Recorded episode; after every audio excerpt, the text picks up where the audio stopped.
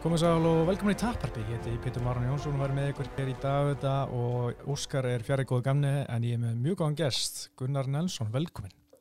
Sæl og blessaður, takk fyrir. Já, þetta er Tappar nummer 71 og fyrsta segn sem þú kemur, Mm -hmm. ég ætla að fá þig svona, ég, ég spurði fyrst fyrir svona árið síðan, svo bara daginn eftir ég spurði varstu komin í, til Snorrabjörns í podcast hans, þannig ég var svona, æ, gefa hennu smá frí. Og að þurfa ekki aftur að fara í hérna landspjall, sko.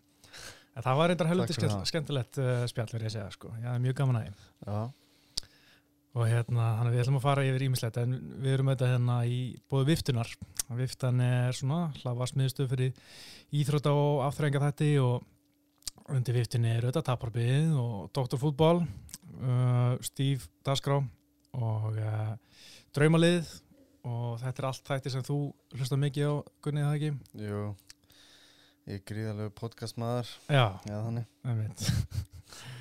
en við ætlum ekki að tala mikið um, um fótbolta en eitt annað, við ætlum bara að tala um MMA, við ætlum bara að tala um þig. Því þú elskar að tala um sjálfæði Já, Já. en uh, áður sko förum við í svona káða djúpt í þetta, hún er alltaf komið með barða núna gegn Tíu Gáles Mm og aldrei svo vant var þetta hvað, þryggja mánu fyrir var það eitthvað já, þetta var bara draumur í dós. Venjulega hefur maður verið að býða og býða og býða eftir anstæðing og síðan fæði maður einn og síðan nei, hann er ekki alveg klár eða hann meittist eða hitt og þetta og alltaf að koma í ljós hvort einhver meiðist og hvernig það verður en ég er allavega búin að vita að ég sé að fara að berjast í, í köpun núna í góðan tíma og alveg rúmlega fullt kamp þannig að þetta er búið að vera bara geggjað og, og líka gaman hvað þetta var veist, hvað þetta gekk fljótt einhvern veginn þú veist, maður mm. Og maður láta vita á okkur og, og uh, sögum við höfum áhuga á þessu karti og, og þessu eða einhverjum nokkrum öðrum og og bara tók voðalega stöðum tíma og síðan var allt bara signed and ready bara á viku eða eitthvað Mm. Þú var Tíu Gáles eitthvað nafn sem þú varst svona pínu hissa kannski þegar það kom fyrst að "Hm, Tíu Gáles, þú kannski ekki mikið hugsa um hann undanvaran ára eða? Já, ég ég að vera hérna og ég sé alveg, svo- alveg svo er þá vissi ég ekki einu sinni að hann væri bara eitthvað on the roster sko, Mm. eins og er og þú veist, hann er bara eitthvað svona gaur sem var að berjast við GSP einhvern back in the day sko Mhm.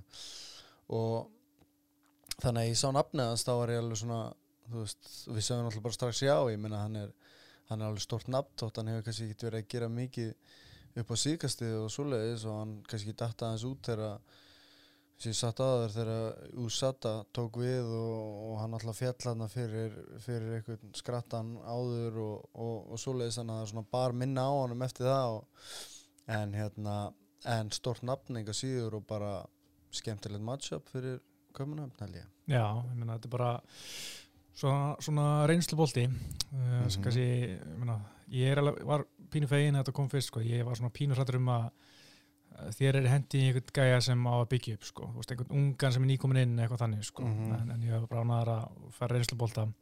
Uh, svona kamp, kampið hér, það verður er náttúrulega að byrja hérna heima og svo ertu að fara til Dublin og hvað, ertu búin að plana þetta allt út í gegna það? Uh, ég er yfirleitt ekkert mikill planari sko. Það er í rauninni voðalega einfalt planið núna. Ég er að fara út núna sjönda og, og ég veit ekki hvað ég verði lengi úti ég er rauninni bara svona þú veist one way ticket sko Mhm. og sjá bara hvernig æfingarnar eru þar og svoleiðis og sem sé ég bara til uh, hvernig ég kem heim sko ef æfingarnar þú veist er að ganga vel þarna og, og nú að félögum og svoleiðis þá verði ég bara þarna býstu Mhm. við og, og Já, ég ætla bara að leifa þér ráðast. Mögulega kem ég heim eitthvað aðeins svona vera með hérna familíinni hérna og reyna að fá þá einhvern með mér yfir Mm. svona til þess að- klára kampið sko. En, en ég er allavega núna bara mjög spenntur að vera að fara út. Það er langt síðan ég fór út og, og tók kamp hjá John. Að vera mest hérna heima og, og þú veist það er gott að blessa allt það en, en ég held að þetta er svolítið spennandi núna að fara út og, og tuskast hérna í Dublin aðeins. Mm En uh, svona aðeins með Tiago, ég menn þetta er mikill reynslu bolti og hún er búin að vera að berjast í UFC síðan, hvað, ég menn ekki 2006 eða eitthvað, sko, þá, hvað stóðu að gera í MMA árið 2006 Mm, eitthvað voðalega takmarkað Já, menn hann er búin að vera óbúslega lengi í þessu- í þessum bransa bara og hérna já, tók sem fyrsta barða í UFC 2005, þú veist, það er ennþá ég veist ekki hvað MMA var þá. Nei, og hann ætlaði bara að vera að sjá þetta allt, að fara til bara og falla lífabröði og hérna, meiðast lengi vera frá í tvö ár hvað er það svona við reynslubólta sem gerir það hættulega? Já, þeir náttúrulega bara, þetta eru ólsegir skrattar sko, veist, og, og ég veit þess að kampið hans, þeir ger alltaf mjög góð gameplun og, og, og svoleiðis og hann, og þú veist, já, svona reynslubólti, hann náttúrulega öruglega góður að fylgja gameplanu svolítið og síðan bara svona, þú veist, er hann að fara að vera segur í, í öllum svona, öllum stöðum, þú veist, þótt hann sé náttúrulega kannski ekki eitthvað geggjaður glímumadur eða þú veist góður wrestler eða þannig þá, þá er yfirleitt öll svona transition og engagement þú veist, hann, hann þekkir þau alveg út í gegn sko Mm -hmm. og sé kannski ekki eitthvað sá besti í, í stofunum og þá þá er þetta er svona þetta er að vera vera ólsegur skratti það er svolítið svoleiði sko. Og, og maður þarf alveg að maður þarf alveg að hafa fyrir öllu öllum svona öllum uh, engagements og setupum og svoleiðis og vera svolítið klókur sko. Og, og jafnvel svolítið, já, ná að platan svolítið inn í ákveðin, þú veist, submission eða þannig í jörðinni eða, eða til að ná ákveðinu stöðum, þá þarf maður svolítið að þú veist, það virkar kannski ekki þetta bara alveg klassíska sko, mm. þetta því að hann veist, hann er auðvitað sterkur líka og og þú veist, ég, ég sjálfur sér veit ekki alveg við hverju ég á að búast veist, segja, þetta er gamall gamall hundur og búin að vera lengi og ég veit ekki hvernig orkan í honum er og svoleiðis en það kemur bara í ljós um, en en svona reynslu mikill maður já, hann þekkir náttúrulega þekkir allar stöðunar og þeir eru vantilega búin að gera ægilegt gameplan og svoleiðis þannig að ég, ég býst bara við góðum tíu golfi sko. Mm. Hvernig er svona reynslan að hjálpa manni í miðjum veist, Hvernig eh, heldur það að hjálpa honum og hvernig finnst það að hjálpa þér eftir því sem þú er farið lengra? Já, þú, það er náttúrulega það hjálpaði mikið þegar þú ert komin aðeins inn í bardaðan og farin að fá tilfinningas fyrir anstæðingnum og, og, og síðan kannski þegar þú lendir í í einhverju svona verri stöðum og svoleiðis og þarf að koma tilbaka og, og, og reynslan líka að recovera eftir, þú veist, ég veit ekki slæmt högg eða þreytandi skrambúl og svoleiðis búin að vera í, í, í slæmri stöðu og aðstæðum í smá tíma og koma tilbaka, hvernig er best að koma þú veist, ná að recovera og koma tilbaka og þetta er alltaf eitthvað sem að hérna, reynslan kenni er í rauninni sko. Mm. En já, eins og segir hann alltaf er æfa í Amerikan Top Team og þeir eru góður að gera gameplan og þeir eru svona náttúrulega Santiago Ponsanibio kemur úr Amerikan Top Team þannig að Mhm. þeir hafa skoðið þar áður. Heldur að það muni hjálpa Tiago Ég veit það ekki ég, ég ætla ekki að láta hann póti í augun á mér allavega. En jú, ég meina öruglega, hjálpa það að þeir eru búin að vera stúdera mig slatta, það geti vel hjálpa honum eitthvað sko en, en, en eins og alltaf þú veist ég, ég fókusera bara á, á þennan sem er fyrir fram að mig og, og stúdera svolítið aðeins svona hvernig hann reyfir sig og hvað hann gerir og, og, og við setjum upp einhverja góða strategíu fyrir hann mm. uh, Þetta með Júsata, þú veist, þú er svona, svona að- eins og sagði ráðan svona í er að því að hann hefur sennilega verið að nota eitthvað hann hann er breyst svolítið eftir að Júsata kom inn og náttúrulega fjall á Mm. Back in the day. Uh, finnst þér þetta svona finn, ert þú að sjá mikið mun á fæturum eftir að Júsata kom inn eða, Já, þeir eru múin að negla ansi marga.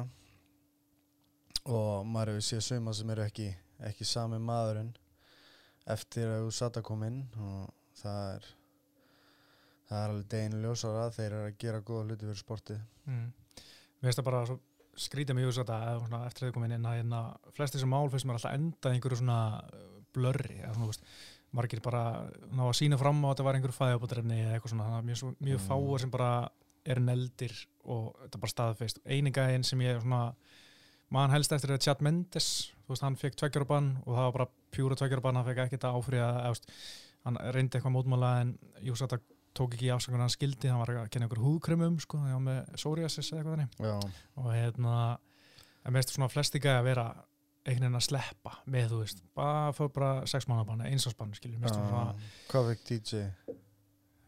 TJ fekk já, Já, það er reyndar einig, gæðan já fyrir utan hann og Tjaldbendi sem eru svona neldir sko. já, já, hann var heldur betur neldur og hann er líka gæi sem að þú veist er alveg á þú veist, spo, í spotlightinu Mhm. hjá UFC, þannig að það var þú veist alveg gaman að sjá að maður var svona stundum að hugsa þú veist, eins og með John Jones og svona, þú veist að ef þetta eru eh, svona stærri nöfnin hjá þeim og þá þú veist, var maður alveg farin að hugsa eru þeir að, þú veist, reyna að finna leiði til þess að gefa þeim minni eh, þú veist, stittra bann og, Mm. og, og minni refsingar og svo leið, sko en það var alveg gaman að sjá að þú veist, þetta var bara tvö ár og bara Mhm.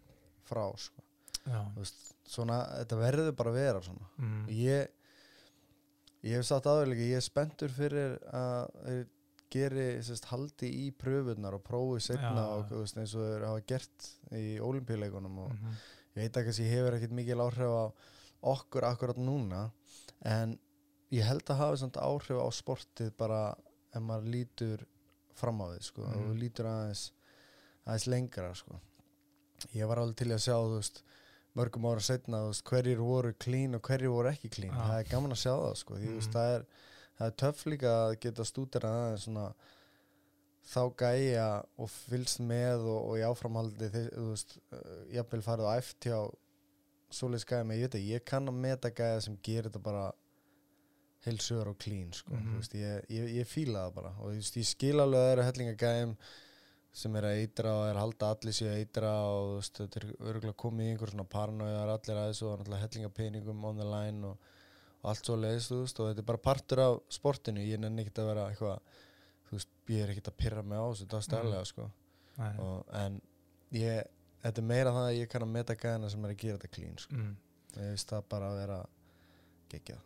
Hver eru er það svona sem þetta er helst í hug fyrir þeir sem þú þekki kannski skilur Ég veit það ekki sko, þú veist, það er svo erfitt að segja til um það sko, en þú veist, ég væri til í að fá að sjá lista eftir einhver ár sko, Já, það væri, það væri gaman, þú veist, ég, ég held að missa að Wonderboy sé clean, Já, ég sé enga ástæð til að halda að hann sé á einhverju sko, hann virkar bara mjög natural, eðlug gæi og þú veist, og síðan, þú veist, síðan getur vel verið að hann sé á einhverju, maður veit ekkert um það, en, en með grunnar, með grunnar að hann sé alveg clean sko, lúka Mm. þannig um,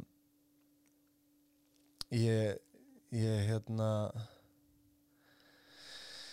ég vill ég vill halda hérna að Fedor hafi verið clean á sín tíma en síðan svona þú veist, þegar maður hugsaði þetta meira ég náttúrulega var bara hrigalega Fedor fan sko Mhm. og þegar maður skoðar gæjana sem var að keppa á móti og, og, og svoleiðis og, og þú veist hvernig þetta var í præt á sín tíma og, og síðan er maður búin að heyra ímsa sögur þá svona hugsa maður að hann kannski hann var náttúrulega helviti power based sko. Já, já, og þannig að þú veist það er kannski meiri líkur en ekki að vera að taka eitthvað skratta sko. En, en þú veist það er bara svona hvernig hann leit út bara eins og einhver svona average uh, farmer sko. Já. bara einhver svona pappi helviti segur og, og þú veist en, en síðan var hann kannski full segur sko.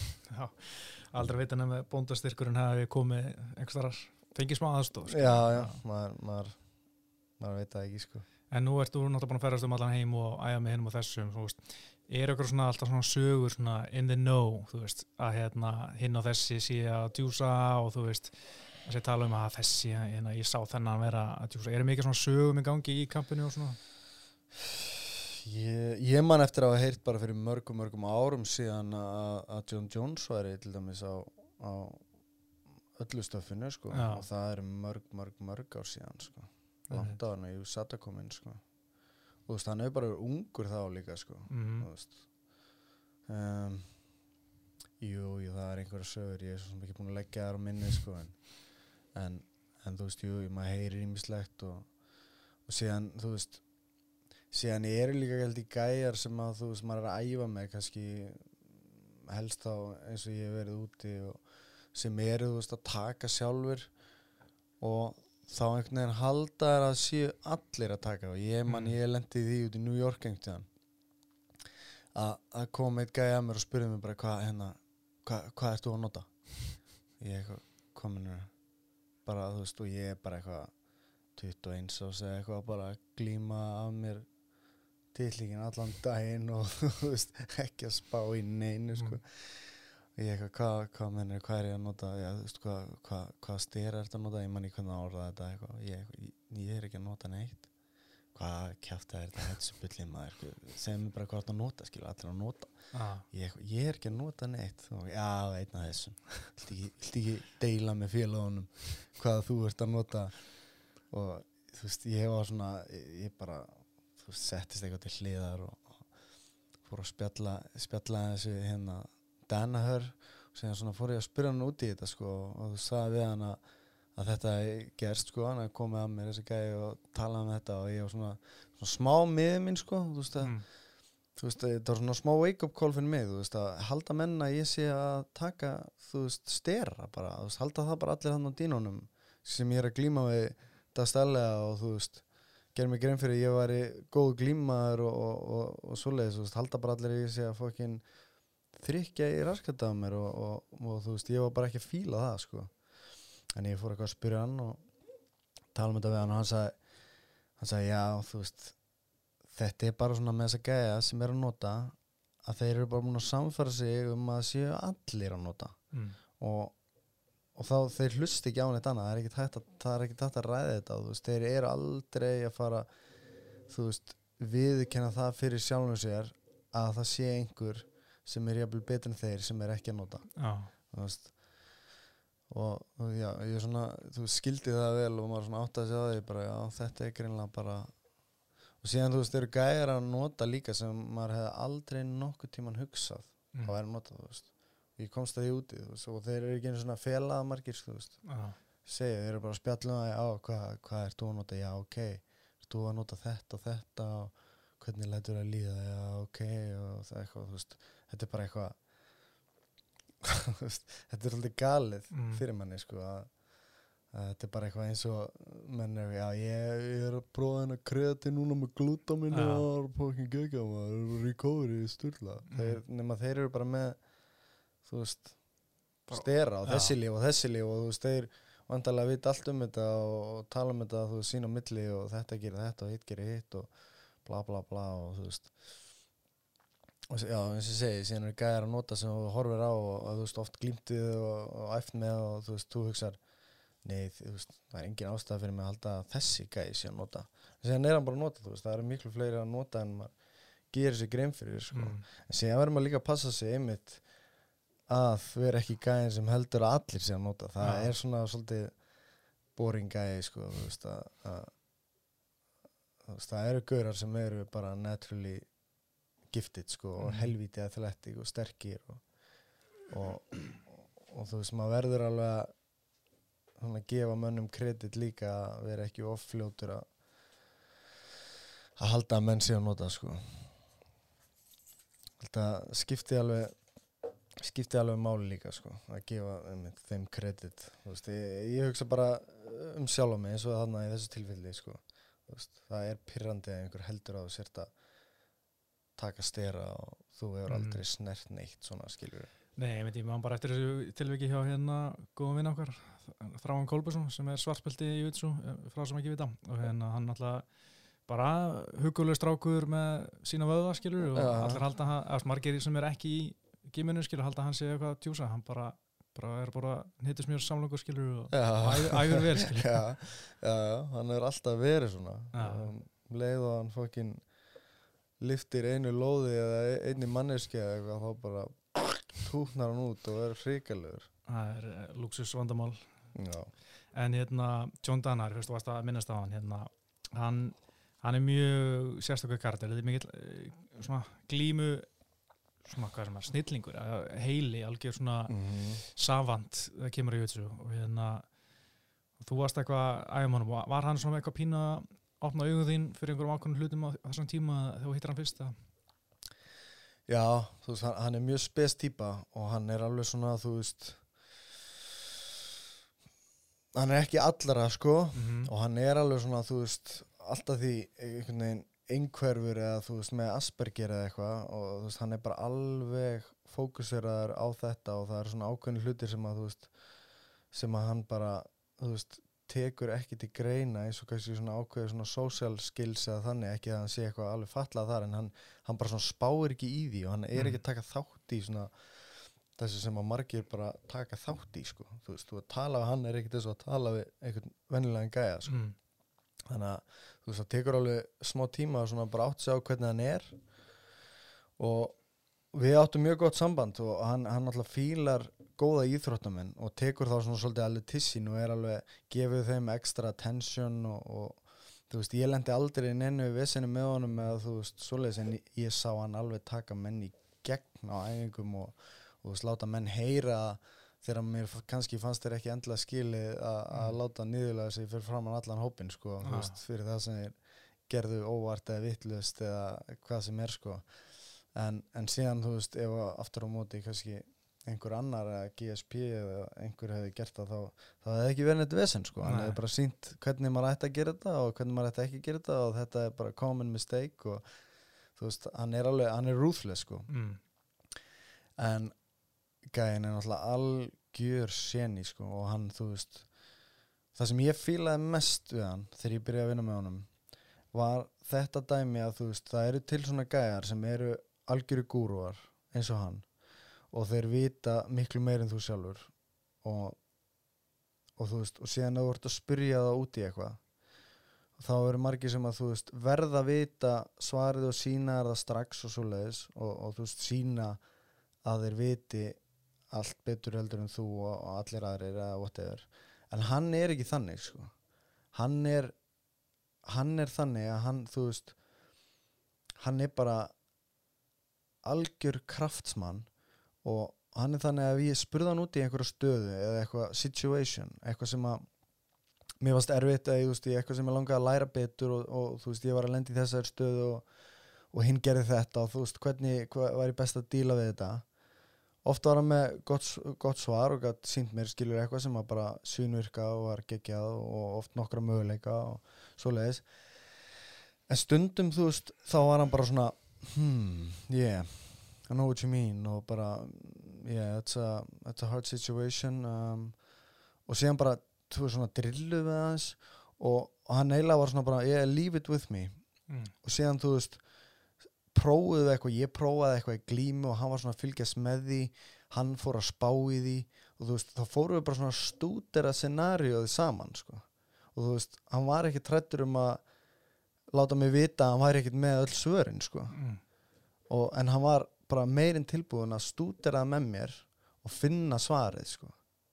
og þú veist, það var það sem ég fílaði svo mikið við hann þú veist, var ekki, hann var ekki með öll svörin nei. en hann var tilbúin til þess að hjálpa mér að finna öll svörin og þú veist, hann þekkir Júitsu svo vel og þekkir stöðunar og allar þú veist, eða flest allar útkomu leiðir og allar innkomu leiðir og allt svona, þú veist, hvað er hvað er þetta að gera, hvað optionar eru hér og þar og en þú veist, auðvitað ekki allt og hann, en hann er alltaf tilbúin til að stúdera hann hefur Mm. bara, hann elskar að stúdera Júitsu Já.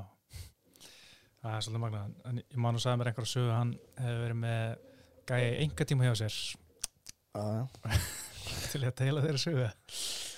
Já, við vorum einu sinni hérna eh, við vorum einu sinni eftir æfingu ég og, og strák sem heitir Jay svartbeltingur úti bara eftir, vorum búin að vera að glíma hann og djöflast og síðan vorum við bara eitthvað að sitja á dínunum og, og, og þú veist, það var engin annan nema við tveir og kannski einhver annar, ég manna það ekki og, og John og hérna já, John var að kenna einhverjum enga tíma eins og eins og bara alltaf, þú veist, það voru bara alltaf görur að koma og, og fá enga tíma hjá honum og þetta var einhver svona já, svona robust catch wrestler, svona, þú veist illa þéttur, örgla hérna, velsteraður og lúkkaði allavega alveg eins og hann hefði hann er allavega þá fengið eitthvað í vöggugjöf, sko en helviti þykkur og sterkur og svona frekar ungur, sko og, og fyrir þá sem ekki vita það var John, sko þú veist, svona svolítið eldri og hann er hann er með aðra löppin að bæklaða sko og hann er ekki svona gaur sem ferð og allar að fara í einhverja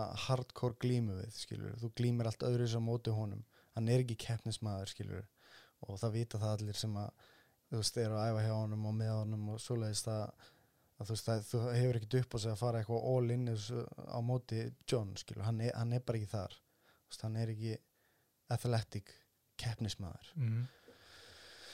Nema hvað, þú veist, hann er náttúrulega legend og það vilja allir sína sig og eitthvað svona.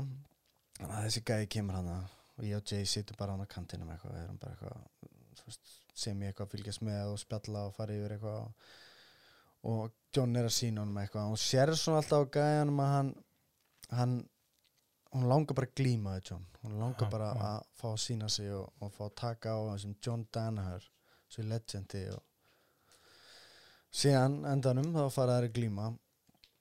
Og gæinn og John er að spila gard og bara frekar spakur og svo leiðis og gæinn er eitthvað alveg að djöblast og anskotast á honum eitthvað á.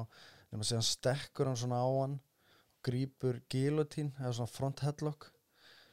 Og þú veist John situr í gard og hann svona bara sprólar á hann þú veist.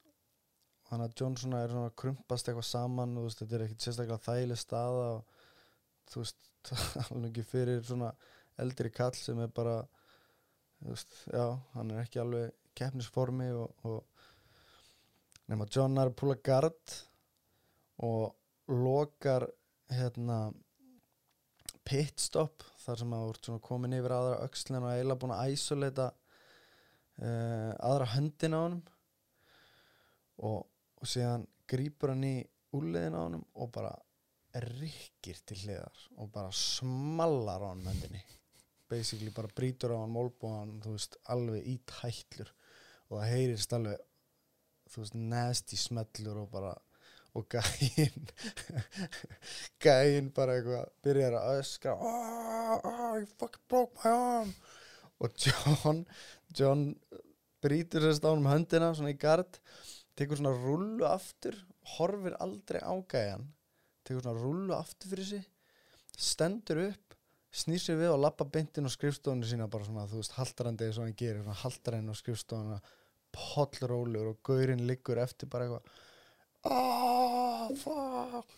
Og síðan kom einhverju gæjar úr hérna úr hérna uh, á deskinu koma inn maður hlaupandi eitthvað fara eitthvað að hjálpa honum upp og oh, fucking John my fucking arm alveg brjálaður og þeir eitthvað já, þú veist, kíkja eitthvað í áttina að skrifstofuna að Jones og spá ekkert í bara vísa gæðanum út og þú veist, ég sá ekkert meira á honum nema að heyrði einhver öskur og, og einhver bölv og eitthvað og ég og Jay stó, en að sátu bara á dýnunum bara eitthvað með gal opin augun eitthvað og horfa okkur annan bara eitthvað hvað í fjandanum gerðist sko. Það eru síðan svona tvei mínútur setna ángríns ég inn og það er svona hálfu opin hurðin inn á skrifstofun og ég er svona banka og opna hana það sem John situr bara eins og hann situr alltaf. Við skrifbóru sitt með músina pottet að hérna horfa á einhverjar híinnur á YouTube rífi sig einhverja antilópur eða eitthvað ítla slagur. Og ég svona kalla svona eitthvað John, hann eitthvað lítur svona til hliðar. What's up buddy? Eins og ekkert hefði gerst. Hann var, hann var bara búin að gleyma þessu. Það var bara, þú veist þetta var bara, hann braut bara gæðan um hendina. Það var bara það sem gæðan átti skilið. Erase from memory life goes on. Búið. Og ég, ég rætti þetta ekki einu sinni við hann held ég sko. Þetta var bara eitthvað oh, hann er alveg geggi típa sko. Ekki það, ég, gæðin átti þetta alveg sem ég skilið sko. Hann var Ná, algjör algjör ítrætt á honum sko en þú veist.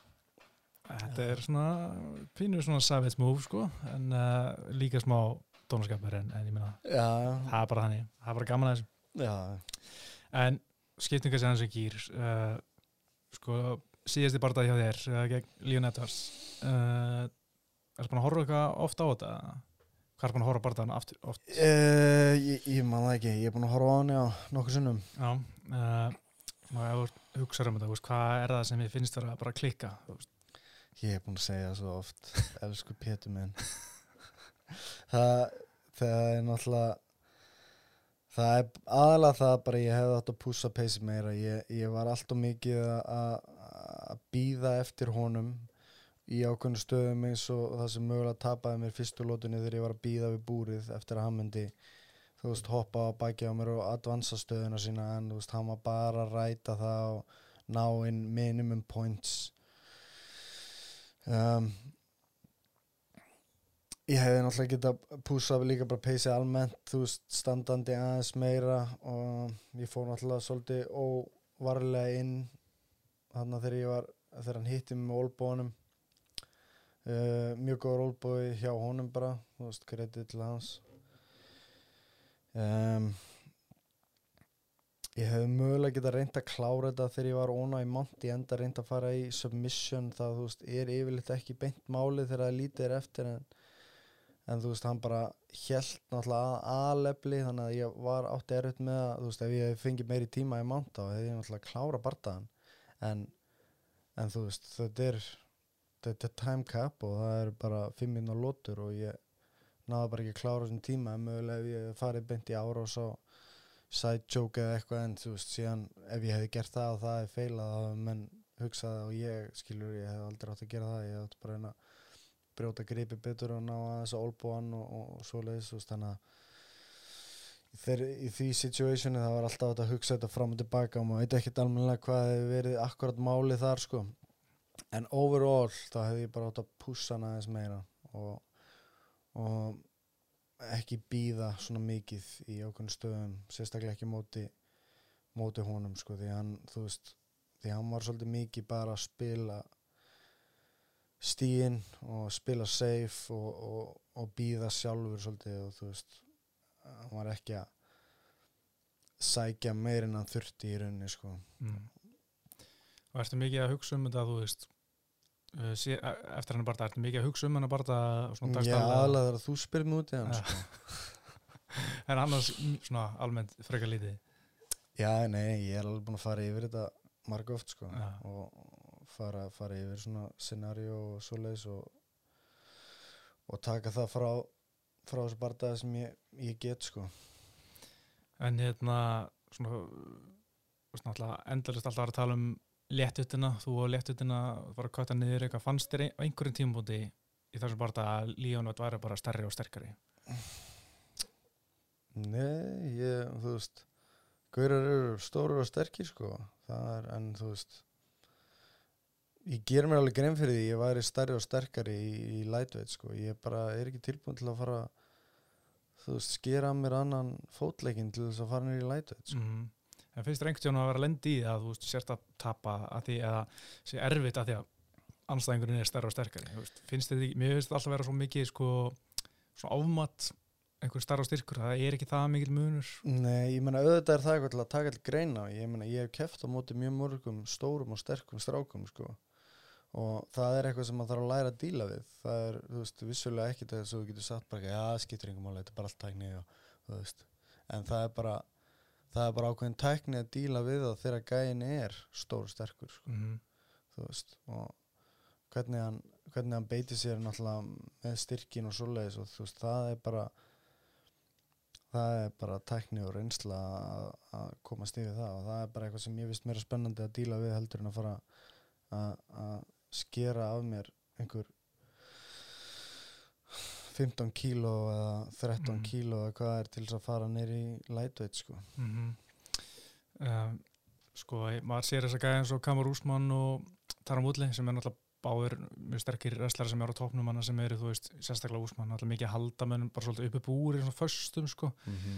uh, mjög óspennandi stíl en ég menna virkar og hann er að ná að gera þetta við marga mm -hmm. veist, þetta finnst mér svona það sem er mjög erfitt að díla við en, en því að finnst bara spennandi rauninni að Já, ég, þú veist, mér finnst bara að vera partur af þú veist, þessu þessum martial art karriér að læra að díla við svona gæða sko mm. og auðvitað eru þeir erfiðir og, og, og allt það en það er bara partur af prósessinu að, að hérna, partur af þessu journey að læra að díla við svona dæmi líka sko Þess, það er ég, ég, ég fíla það betur heldur en að vera með allt og mikið að velja hvað hendar nákvæmlega best þér og, og svoleiðis að já, ég vil bara ekki að sé neitt stærri og sterkari heldur en ég og, veist, veist, þetta er svona attitút sem að ekki, ég bara fíl ekki all upp í sjálfsvegar það mm. er ekki, þetta er ekki svona martial art way sko, þetta er ekki þú veist, þú, ég er ekki stæðstur og sterkastur sko mm. það er bara þannig. Það eru gaurar sem eru tölur stærri og sterkari heldur en ég, þú veist, það eru heavyweight er það er skilur þannig að þú veist, mér langar ég er ekki að segja að þú veist, ég er að fara að keppi í heavyweight sko, en ég er að það sem ég er að reyna að segja er að það, þú veist, að þú þarft að læra að díla við svona líka, og þú veist, mér finnst það líka að vera partur af þessu fyrir mig er að geta að kunna díla við alls konar gæja, sko, og þótt þeir Mm. séu stórir og sterkir og þótt þeir séu jafnvel, þú veist, minni og snöggir og, og þú veist fyrir utan að þetta er bara minn weight class, þú veist, ég er bara þarna, þú veist, ég gengum 83 kíló, þú veist, í formi og, og og þú veist, fer hann nýr í 77 kíló og mér finnst það bara alveg nóg Mhm. En eins og, sko, ég er náttúrulega, ég er alveg sammálaður í þessu, sko, ég er mjög náttúrulega mikið anti-weight cutting dæmi, en eins og sérð bara, þú veist, veist alltaf svo skrýta þessu umræðana sem kemur þessu, það er alltaf að tala um að það sé einhver töfralausn að fara niður um floka, upp um floka, whatever, oftast náttúrulega niður, við sjáum bara Franki Edgar síðast, síðast helgi, þú veist, hann náttúrulega var að fá ennett, titilbartan í fjárveitt, tapar Mhm. þar. Og nú er menn að segja, "Ah, hann getur bara að fara niður í bandaveitt, þá getur hann fengið titilbarta, en ég held bara að sé ekkert vandamáli endilega allan ekki í dag fyrir Frank Edgar, starðin á honum. Hann er bara ekki náðu góður í dag til þess að vinna á allra bestu, hann er bara klárlega frábæð kannski aðeins var að hægast á honum en mér finnst það bara ekki vera með það skill level í dag til að vinna neitt titil hvort sem er Mhm. léttvitt, fjárvitt eða bandavit mm -hmm. mér finnst alltaf miklu starri faktor skill levelið hjá Frank í dag heldur en einhver starri, en auðvitað Frank Edgar minni en Max veist, maður sér það bara og þú veist, kannski hann náðan móta niður ef hann var í starri eða, ég veit ekki Mhm. en mér finnst hann bara að Max Holloway er bara miklu meira skild fighter, maður Mhm. mm í dag heldur en Frank Edgar Já, það er náttúrulega auðvöld leið bara að hugsa að þetta var það sem var að það var bara þingri og ég það bara kötta mig niður mm -hmm. en í staðin getur maður líka að hugsa bara að þú veist, mér langar að vera betri í þessu þarna situationi sem, ég, sem hann var betri í þú veist, ég þarf bara að bæta mig þarna þú veist, ég þarf að læra að díla við þetta vera betri, þú veist í þessum aðstæðum eða þessum aðstæðum skilur það er það er gróðið sko. Mhm. En svona eins og með wrestlingi, það er náttúrulega kannski það sem hefur kannski svona svolítið stór faktor auðvitað í þínu geimi að, hérna, að ná skröttum niður í gólfi Mhm. en hérna, hvernig finnst þið svona þitt wrestling hafa þróast bara frá því að komst fyrst inn í UFC ég, hef bara tekið eftir á síðustu árum ég veist að vera meira sækja svona takedownir í bodylock sko, eða svona úr klinsinu heldur Mhm. en að skjóti lappinar mm -hmm. er þetta búið að vera þannig þróun hér? Já, ég meina, fyrst þegar maður var svona að byrja þá, þú veist, var einhvern veginn þægilega bara að skjóta í doppelögg Mm -hmm. og, og það einhvern veginn síðan skilur þegar maður eftir sem maður læri meira að wrestla og svoleiðis og ég hef náttúrulega búin að bæta mikið í wrestlinginu sérstaklega núna upp á síkast þegar ég er búin að æfa með matt mikið og hann hefur kent mér alveg hrikalega mikið hvað var það bara, þú veist allt standandi wrestling þú veist, uppréttur og svoleiðis og, og, og líka náttúrulega með öll með öll svona fótafinish og þannig þú veist að þú veist, eftir þú læri meira þá ferður náttúrulega bara að beita þér þú veist, eh, öðruvísi og, og, nota bara fleiri vopn og svoleiðis. Og þú veist, það er einhvern veginn ekki alltaf málega að skjóta í doppelleik þó að það sé náttúrulega alltaf valið tækni. En um, það kom sér nú ekki sérstaklega vel hjá okkar manni hérna. Fjórum sekundum eða eitthvað en, en það var kannski önnur að en þú veist að já, ég ég held sé meira bara að þú ert að, að, þú ert að bæta, bæta við vopnabúrið þitt og nota nýja tæknir og, og, og svoleiðis og, og þú veist gamla daga þá var ég þú veist, ég var snöggur og það var auðvelt að fara bara í doppelleik þú veist, þá sem eru snöggir á löpunum þá, og læra læra fínt doppelleik þá er það svona þú veist alveg go to move og, og, en þú veist þú getur ekki stólað á bara doppelleik. Mm og þú þarfst aðeins að bæta við því og þannig að já, wrestling mitt hefur klárlega þróast alveg helling og, og, ég hef kannski búin að nota minna doppelleik heldur en ég gerði Já, maður ætlar að segja svona í síðustu tveim bortum orð mikið að reyna, mikið að reyna að ná Edvards uppi búri, svona, en hann var bara drullu sterkur þar Mhm. líka og kannski hérna gekk þetta ekkert neitt uh, eins vel og maður hefði vonast eftir en, en, hérna, en hann var líka kannski bara svona fastur að vera betri að bjóstu við að hann var að fastur að vera betri glímaður en bjóstu við mm. Nei, ég bjóst nú alveg við að hann væri helviti segur hann sko, veist, sterkur og öflugur, þú veist, við búrið og ég alveg sé, og við horfðum alveg á bardaðan hans fyrir og hann, hann, hann kann alveg að verja sig vel við búrið og, og það var bara svona smá herslu munurinn á, þú veist, taktikinni held ég sko, sem að var munurinn sko, ég, þú veist, hann, hann spilaði þetta bara, þú veist, ég hef oft eftir með mönnum sem spila bara sama leik og hann sko og Mm. þú veist, þeir eru, þeir eru góðir að erfitt að ná þeim niður og, og erfitt að halda þeim niðri og, og, og, og svoleiðis að hann, hann, þú veist, það sem ég var störa munurinn mitt var bara það að hann hann, hann spilaði þetta bara aðeins meira safe og, og, og þú veist, hjekki í svona stöðum það sem að kannski bjóst ekki endilega að hann myndi hangi sko mm. Þú veist, ég held að myndi reyna að advansa lengra sko en já, nei, ég fannst hann svo sem ekkert vera eitthvað miklu betri en ég bjóst við sko veit. Það er nú eitt sem sko var náttúrulega mikið rætt um eftir hann að barða, hann var að því að góður vinniðin og þjálfur þetta, John Kavanagh, gæti ekki mætt Mhm. uh, og hann var náttúrulega svolítið gaggrindur af hörðum, uh, hérna reyðum íslenskum Emma aðdándum Mhm. sem voru mjög ósættu við þetta, hann skildi bara ekki að ná að komast.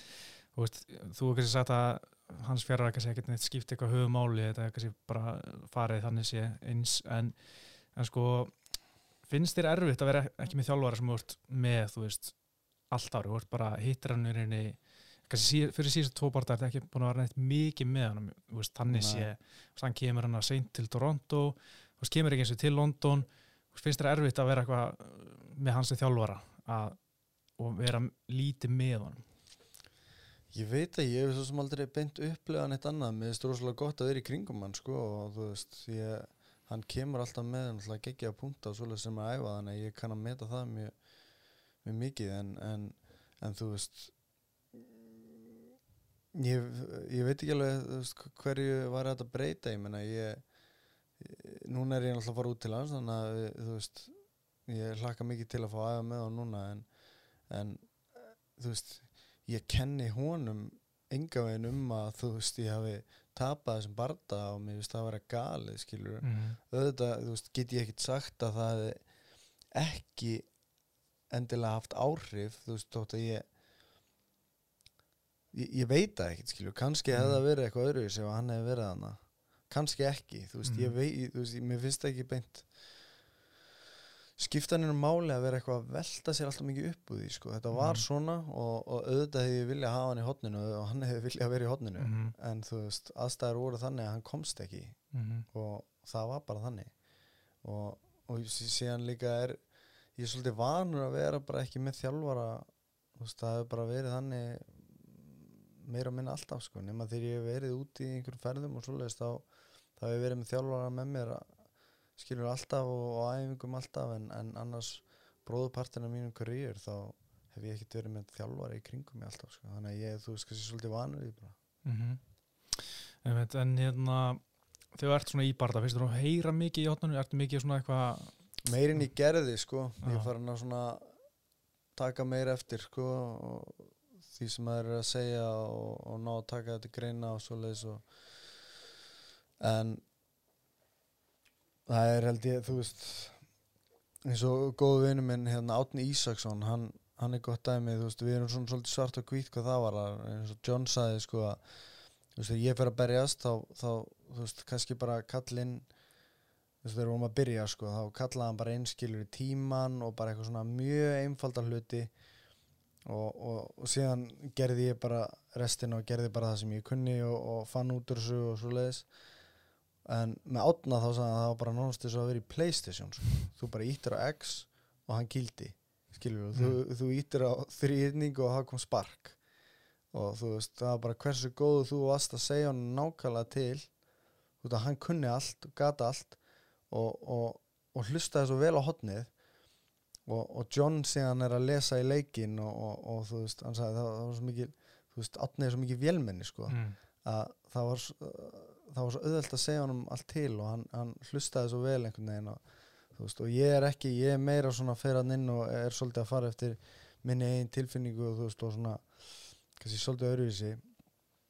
Og, og ég hugsa að sé þú veist við erum kannski svona alveg í sikkurum endanum og síðan erum menn ekki starfand á milli og ég er kannski búin að þú veist, að læra að færa staðins og hlusta betur á hodni mitt heldur en ég gerði þú veist, ég man alveg eftir mörgum bardaðan þá man ég ekki eftir að hafa heyrt eitt einasta orð og þetta Mhm. voru þeir að garga allan helst tíman sko, eitthvað, Mhm. en ég man bara all eftir að hafa heyrt neitt nema eitthvað þú veist, þegar ég settlaði í mánt þá heyrði ég tvær myndur eftir og eitthvað, ok, ég hef tvær myndur Já, skilur við en, en annað heyrði ég kannski ekki sko en það er svona aðeins öðru í dag ég. En maður sér sko líka svona með sko reyni, þegar þú hefur tapað þá kemur alltaf rosalega háar umræð um þetta tvent að þú er farin nýr léttvíkt og er að skipta um kamp og gera heita þetta. mm -hmm. Þú veist, ertu eitthvað meðveitar um umræðin? Eru margir að koma til þín og segja þetta? mm, Bara fólk út í bæ eða... ég hef alltaf oft heyrt eitthvað að okkur ferði ekki niður um vikt Já, um, og þú veist, jú, ég hef nú alveg heyrt eitthvað svona ég farið út og æfa í einhverju öðru kampi og svoleiðis, ég bara ég veit ekki, það er haugur að góðum gæðum í kringum mig sko. Og í Dublin er haugur á mönnum og haugur á mönnum sem hafa komið hinga aðeins með okkur. Það er alveg, alveg þokkala stert liðin að heima líka á allavega ákveðin sviði sko. Og þú veist ég veit ekki ég, ég held að þú veist þú þarft ekki að æfa með hérna skilur Khabib og Conor á hverjum einsta degi til að verða besti þú sem þú getur orðið sko. Og þú veist Mm. það er ekkit allir allir hérna framúrskanandi íþróttamenn sem hafa verið bara í besta liði í heiminum mm til þess að verða bestir þú veist. Þannig ég, ég veit ekki ég, ég ætla bara að halda við mitt kamp og, og mína menn sem ég þekki vel og það er alltaf nýjir fleiri gæjar að koma inn sem að hafa eitthvað til málana að setja að, veist, að, bæta inn einhver inn í, inn í liðið og svoleiðis og þú veist ég já ég kann bara meta meta mitt lið sko Mhm. og ætla bara halda mig við það En finnst þér ekki svona, veist, allan með því hérna heima bara, þú ert, ert langbæsturinn heima, skilur, veist, það eru náttúrulega flotti strákar hérna, ég er ekki að segja það, Bjarki Ómars, Bjarki Þór, Björn Lukas, strákar sem eru, þú veist, bara, reynir kannski að byrja sem fyrir eða bara, veist, komnir ákveði langt og, en ekki auðvitað í Bellator, þú veist, finnst þér svona, þú ekki vera kannski að fá þitt púsæðingum eða þú ert bestur æfingum, eða finnst þú alveg, þeir alveg vera í þar áfram?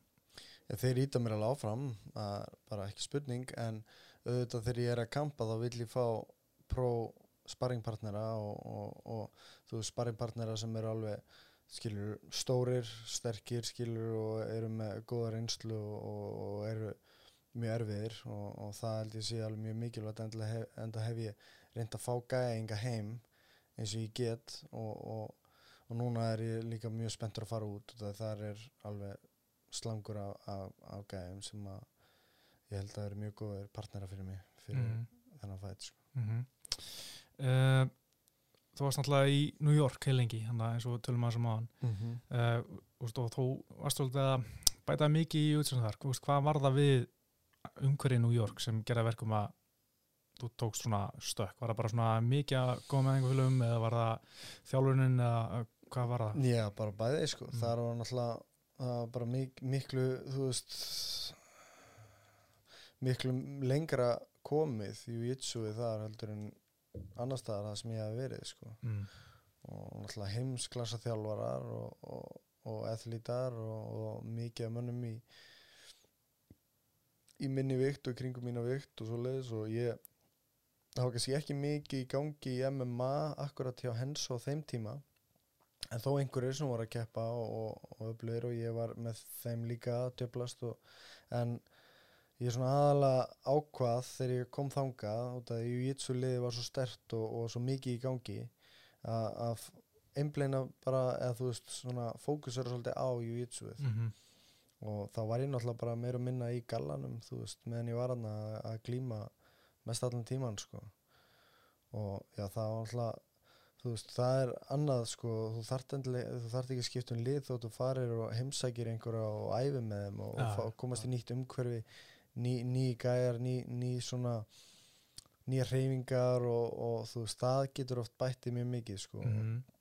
og ég var í þú veist, örgulega búin að gera meira því síðustu ár ef að, ef að þú veist, ég var ekki með fjölskyldu hérna heima og svoleiði sem að þú veist, það, það er svona ímislegt sem að þarf að taka til greina og eh, hérna en nú er svona minn fluttur út tímambitið og með mömmu sinni og þá kannski gefst tími til þess að allavega núna þess að það er ástæðan fyrir ég get farið núna út og, Mm. og, og eftir þennan barða síðan er vísu annað barn á leiðinni þannig að það er kannski maður þarf, þú veist já, þetta er ekki þetta er ekki eins og þetta var þegar ég var tvítuður sko Mhm. og þá gæti ég bara skilur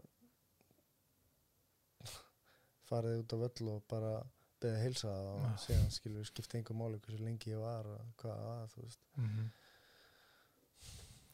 En það er svona eh, svona æfingar New York, hvað er langt síðan og fórstaka núna, það er alveg frekar langt síðan eða ekki?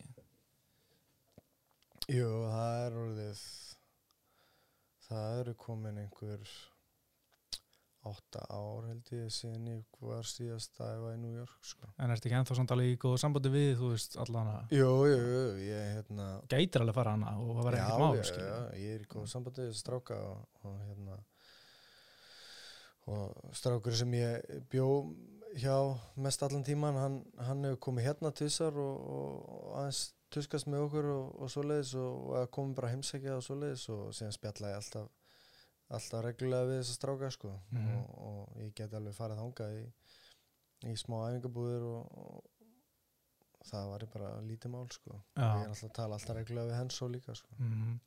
En nú er svona annar æfingafélagi en og vinnur Conor McGregor, hann er með svona það eru margir í bífi við hann skilur þú veist, og hérna Ali er sem, ekki að- nýtt nei, sem eru svona rífa kjátt við hann heldur að veist, það væri eitthvað vesen að þú veist, þú er að æfa með Ali Quinta eða einhverjum sem er í New York sem þú veist, gæti mögulega mætt Conor er eitthvað, var eitthvað vesen við það? Nei, það held ekki ég, þú veist, það ég get alveg farið að nút og, og djöflast þar með strákunum og það er eitthvað vesen sko ég, ég er ekki að taka þátt í neinu svona bylli sko. Það er þeir geta reyfið sín á milli sko. Það kemur Nei, veit. ekkert við. Einmitt.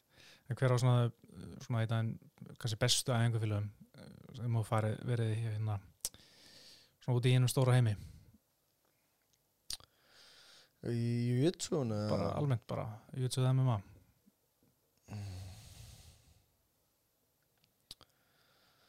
Já Sko Ég veit ekki hver á að vera minn besti æfingafélagi þannig, það er svolítið erfitt spurning sko en veist, það eru margir, ég man ég man hérna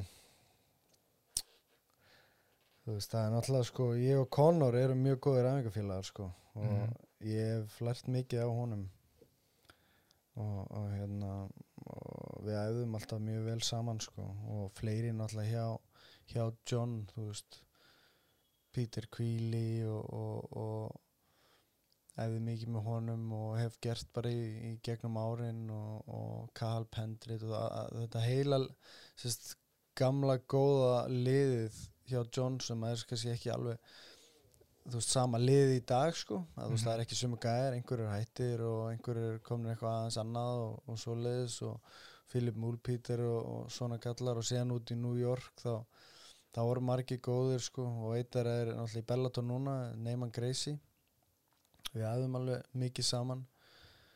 Og Gregor um, strákur sem að kalla Chushiko sem ég aðeim mikið með, hann var helviti öflugur sko.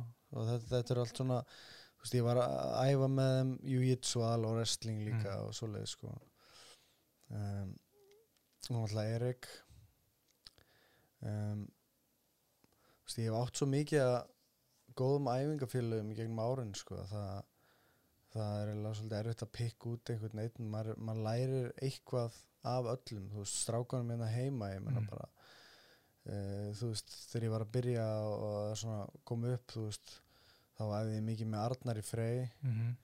og, og náttúrulega Jóni Viðari og, og, og Bjarna og, og þessum strákum og síðan setna fór ég að æfa náttúrulega langmest með Sigvati Já, legend. Já, algjört legend. Og, og hérna við vorum miklir æfingafélagar og glýmdum saman alveg bara mörgur sem í viku og mjög mikið og þú veist óteljandi hérna, mínútur og klukktímar á, á dínunum sem ég á með Sigvati og, og, og síðan Þráin sko, og Axel og Þráin kannski nær mér í þing þannig ég glimti mjög mikið við Þráin.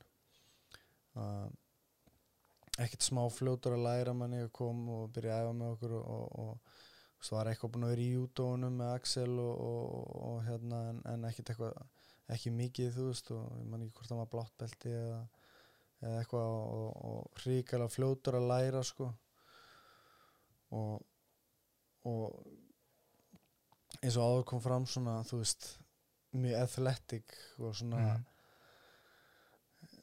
naturally gifted gæi, hvað var það, þú veist, bara svona íþróttir og, og líkásbyggingu og svoleiðis, þannig að ég, þú veist, það var mjög gott aðeins með honum og við glýmdum mikið, sko, þú veist, ég hef átt svo marga góða engafélag og náttúrulega strákanir í dag sem er í mjölni, þú veist, Haldur og Kristján og, og, og þú veist, síðan er alltaf frábært að, að hérna, fá strákanir frá Reykjavík, hérna, MMA eins og Bjarka og hérna um, og hérna Magga. Og og, og síðan alltaf Bjarki Ómars The Kid mm.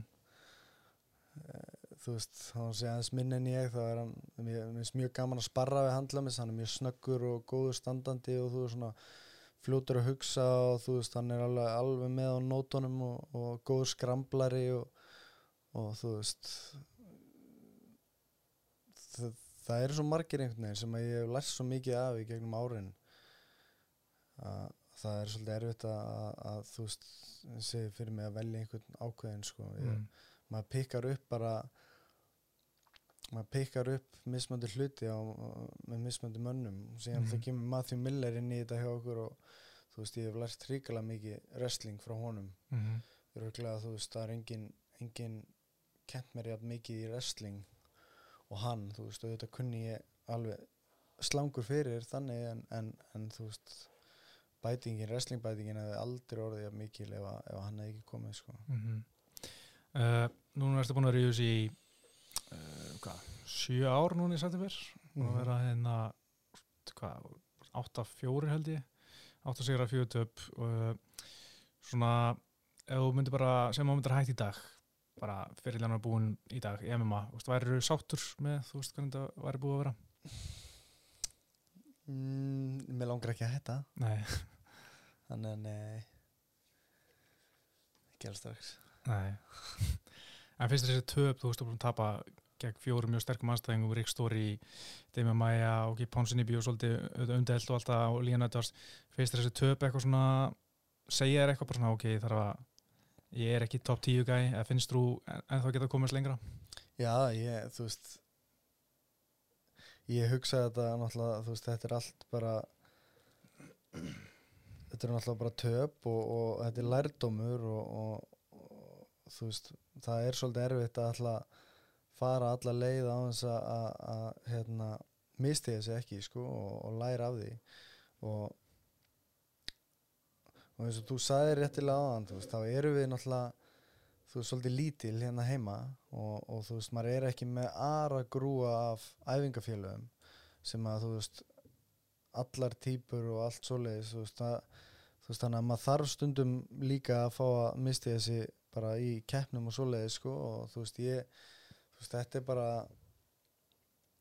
þetta er bara minn uh, mín, mín hérna mitt journey sko og ég menna að þú veist ég ég er ekkert að gefast upp bara út af því ég tapa á móti sterkum gæjum veist, það mm. er bara eitthvað sem ég þarf að taka inn og læra af og koma aftur og, og, og gera betur veist, það er bara, veist, þetta er ekkert flóknar heldur en það mm. og það bara halda áfram að pikka upp sko.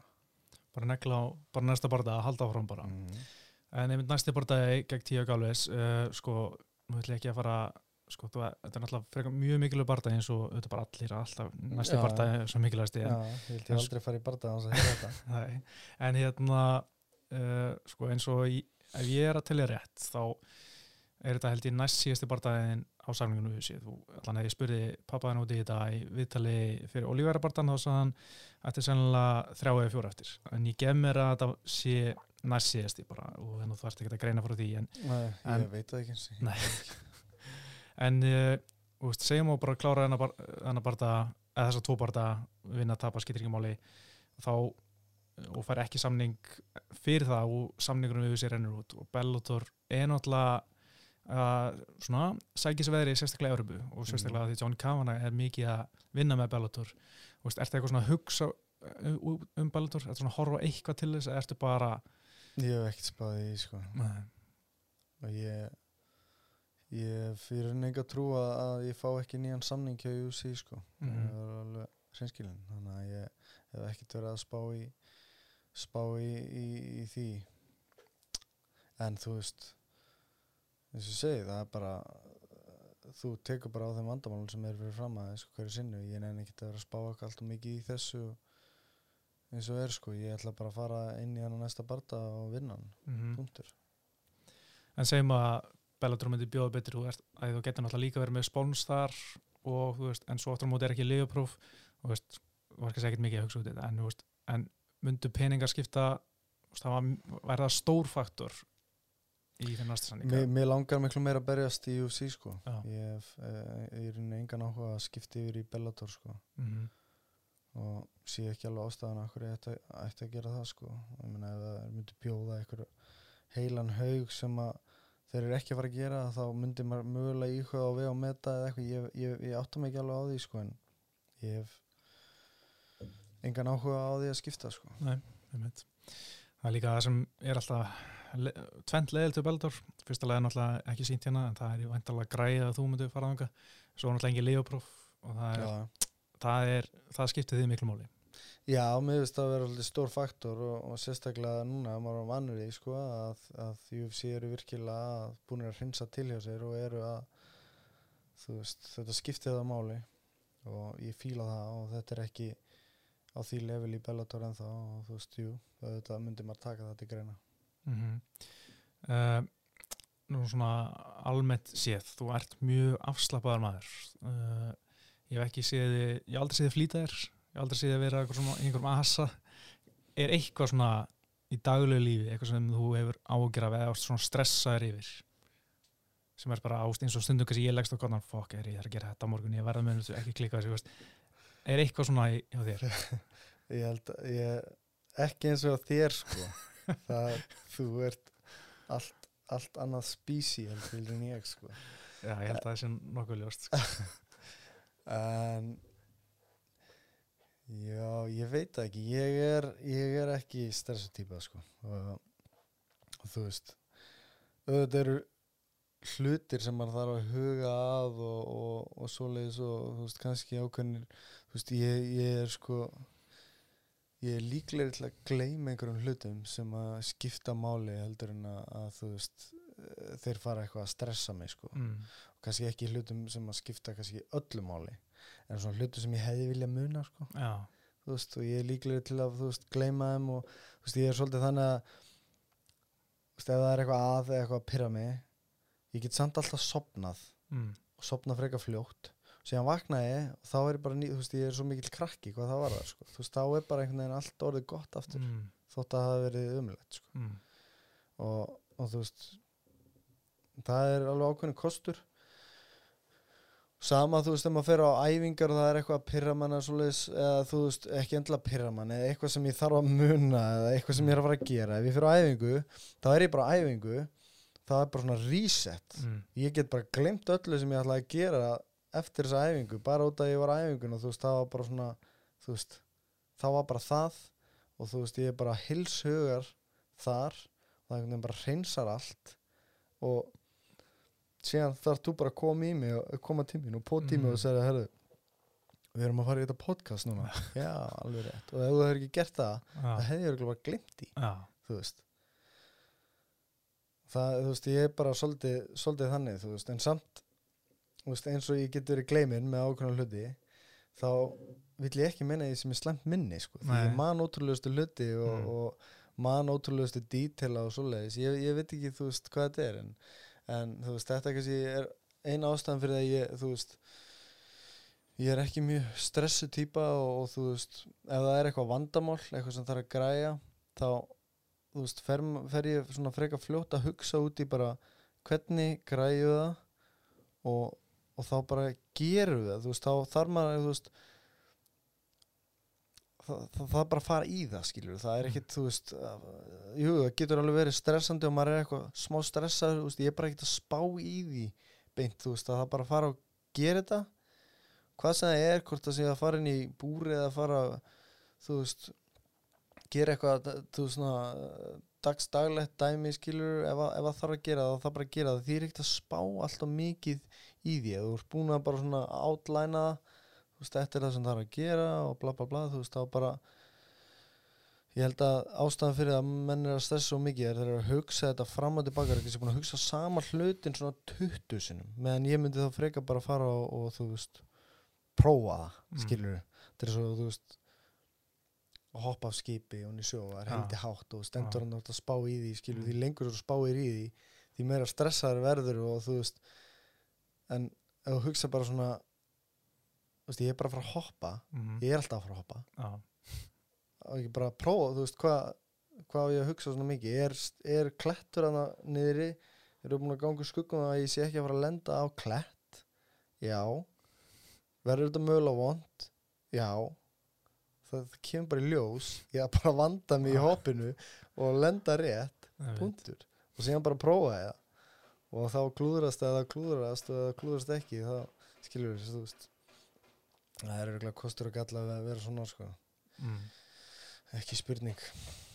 Einmitt, ég er svona sko ég, ef ég væri að fara að hoppa eitthvað myndi ég hugsa að þetta fram og tilbaka og standa berginu svona í, í þrjár, fjóra mínútur og svo ef ég myndi hoppa, mynd- tæki ég mig langa tíma að taka stökki, skilur, maður myndi hugsa þetta fram og tilbaka já, en ég líka, ég vil alltaf mæta á réttu tíma. Ég er stundismæður með Já. óþæld að mæta að senda eitthvað. Þú ert ekki alveg þar, sko en Nei. þér finnst það ekki heldur skipta neina máli kannski alltaf, sko.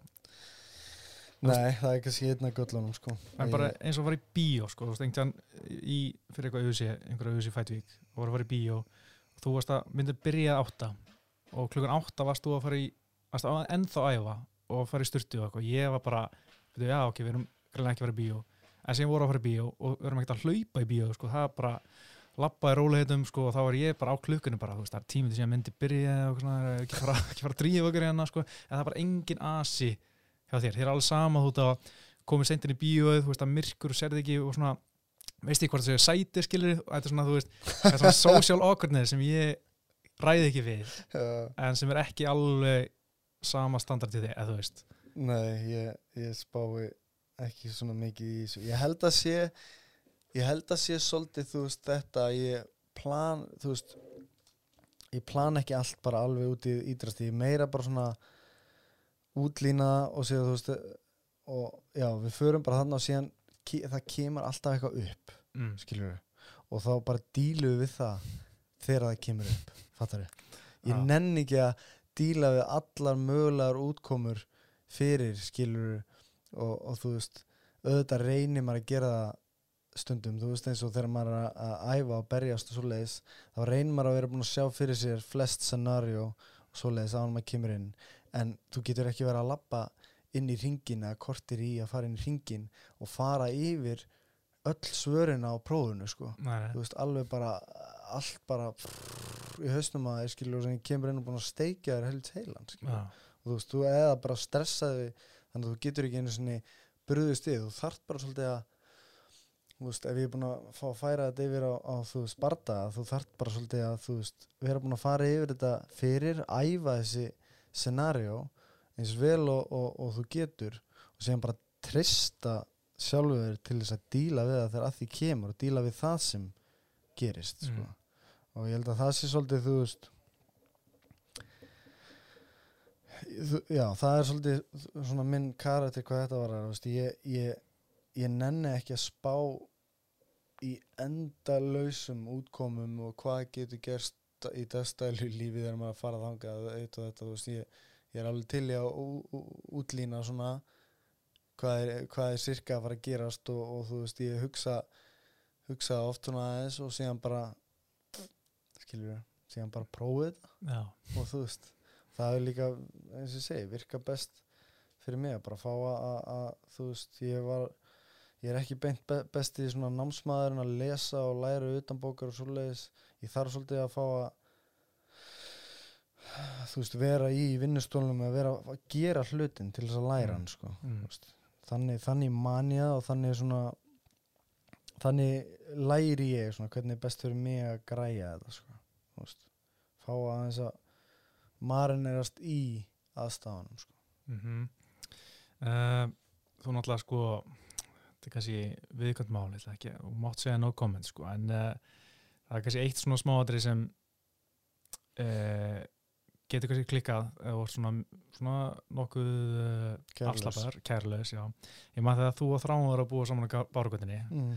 þá var ekkert alltaf til klósipapir Já, þetta er gríðalega viðkvæmt mál mjög viðkvæmt Við mál kærum ekki um að tala um þetta já, Nei, já, þú veist, þetta er eitt af því, eitt af góðum dæmum um þar sem að tveir svona gæjar búa saman, sko, Mhm. og þráin er þráin er, held ég bara nákvæmlega sem ég hvað þetta var þar, sko. Hann, þú veist, er ekki mikið að endilega plana allt alveg út í ystu æsar, sko og ekki það, það þarf mikið að plana til, til klósetpapir, sko. En þetta er svona gott dæmi um kærilesi og, og, og leti, sko. Mm, já. Og þú veist en já, já, það var ekki til klóspapir í, í góðan tíma og það einhvern veginn glimtist bara alltaf þegar maður, þú veist, maður lappaði náttúrulega fram með búð ofta dag, sko. Já, en þá var maður bara ekkert að hugsa um það að þegar maður kemur heim þá þyrfti maður að skýta og skeina sig, sko. Þú veist, maður uh, maður bara dílaði við það bara þegar maður þurfti að kúka, sko.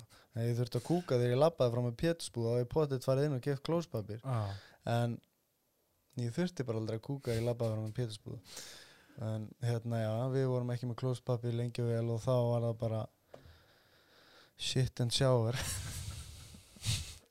Það var bara eitt nei.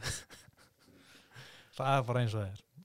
En uh, svo er reyndar annað sem ég veist mjög áhvert er hérna tengist ekki til klósupapir eða eitthvað.